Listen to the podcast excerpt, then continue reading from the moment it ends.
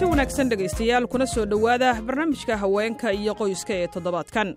Anigana imaqal waa halkudhegga sanadkan ee ololaha sanadlaha ah ee qaramada midoobay ee soconaya lix iyo tobanka maalmood oo lagaga soo horjeedo xadgudubyada jinsiga ku salaysan ee caalamka. Ololahan ayaa bilowday shan iyo labaatankii bishan nofembar waxaana uu soconayaa ilaa iyo disembar tobankeeda magaalada muqdisho waxaa maalintii axadda lagu qabtay kulan ku saabsan ololaha lix iyo tobanka maalmood soconaya ee halkudheggiisu yahay anigana imaqal dadkii ka qayb galay waxaa ka mid ahayd aamine xaaji cilmi oo ah madaxa hay'adda safe somaali women and children ee loo soo gaabiyo s s w c. Sanad walba waxaa la qaataa tiim oo waxa looga hadlaya maadaama xadgudubyaashu ay yihiin xadgudubka loo geysanayo haweenka caalamka sina waa un si guud baa xadgudubka u jiraa sina waa kala gaargaar oo qolo walba dhaqankeeda iyo environmentiga ay ku nool yihiin iyo maxay waxa haysta oo ayaga waxyaala waxaa jira traditional cultural oo dadku ay waxyaala dadku ay aaminsan yihiin oo waxaa jira dhaqanka uu ku qasbayo dadka barkood. Laakiin tacaddi haweenka u ah maxayto sidaas si guud caalamku waa u wadaagaa laakiin si gaar annaga soomaaliya oo kale dalalka aan isku nahay categoriga isku meelka ku jirno waxa waaye dalal oo afrikaana oo dagaal uu aafeeyey oo maxayto sharciga iyo kala dambeynta ay burburtay oo soo kabanahaya haweenka ku nool dalalka ay ka jiraan colaadaha iyo saboolnimada sida soomaaliya ayaa waxa ay qabaan dhibaatooyin u gaar ah oo ka dhasha duruufaha ka jira dalalka ay ku nool yihiin.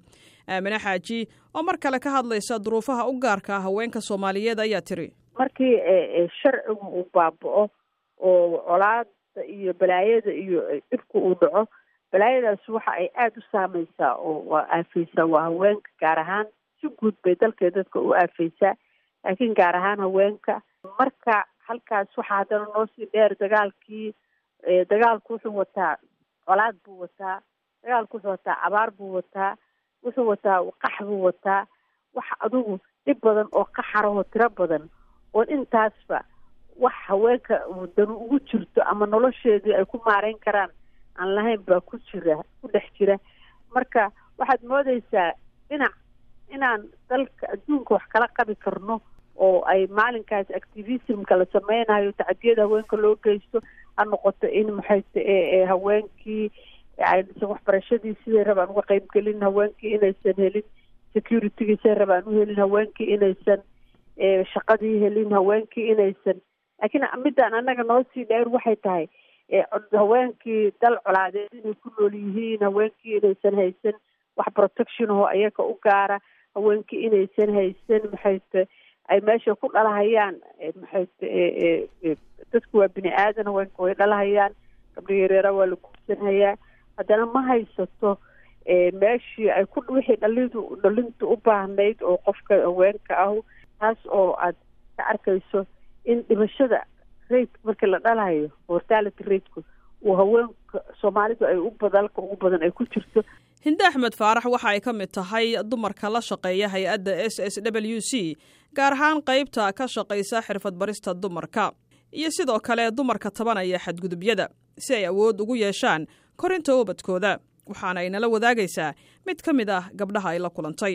Waa dhowr nooc marka adiga hal noocaan ka soo qaadanaynaa. Noocaas oo ah haween la qaraacay oo maxay ahayday inta la soo qaraacay dib soo gaaray noo timid ilmo wadata aan haysan waxbana oo ah laba qaawan isma qaada ah. Ilmihii sidataa waxaa laga yaabaa xitaa inay uur leedahay kuwo ay gacanta hayso waxba aysan haysan awalba ay deganayd naftoodu maqaadaan madargaan ay iska ahayd markii hore wax protection aysan haysan. Haddana bini aadamku waa mar walba ma dhahaayo ragga soomaaliyeed waa xun yahay laakiin mar walba hadde labadii qof oo isla joogto waxbaa dhex mari kara si fududaa wuxu dhex mari karaan. Hinde ayaan mar kale weydiiyey kadib markay u yimaadaan haweenka dhibaatada qaba ee misna saboolka ah waxyaabaha ay ku caawiyaan. Maxay ahayde horta marka hore waa soo dhaweynaa waan dejinaa waxaan u u muujinaa waxaanu inay khatar tahay ama wax mar walba iska dhici kara ay tahay inaynan ahayn wax lagu biciidsado loo baahan yahay dulqaad maadaama gabadhaas uur ay lahayd ilmana ay wadatay. Waxaan ku darnay haween aan anagu wax barno oo maxay ahayday waxaan barnay harqaan. Ayaan ku darnay laasigii markii ugu dambeysayna harqaankoodii baratay. Harqaanka waxaa la bartaa afar bilood ayaa tababar la siiyaa.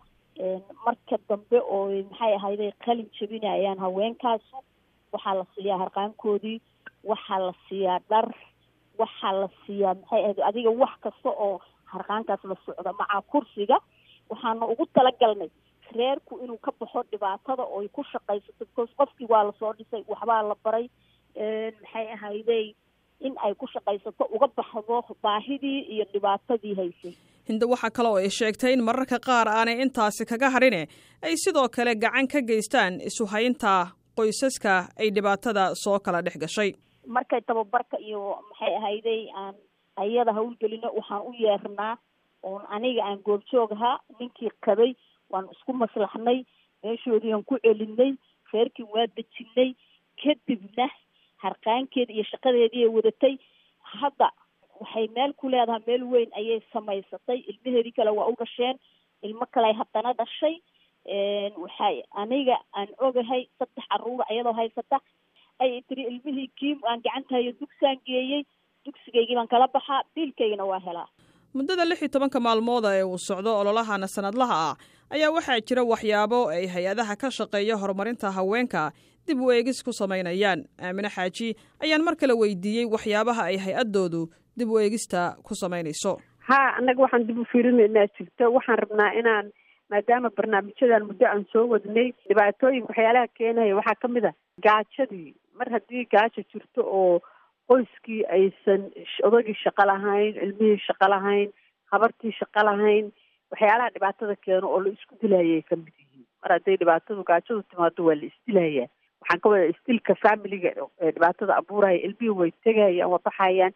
Marka inaan u abuurno wax haweenkii aan ku barayno runtii waana ka socotay sandarada laakiin waxaan rabnaa inaan saa-idino xoogga eega saarno in aan haweenkii tayayno awoodeyno oo ku awoodeyno inay wax bartaan ku awoodeyno inay ilmahooda noloshooda u soo saari karaan. Ilmihii maxay ku awoodeyno markaan habooyinka awoodeyno?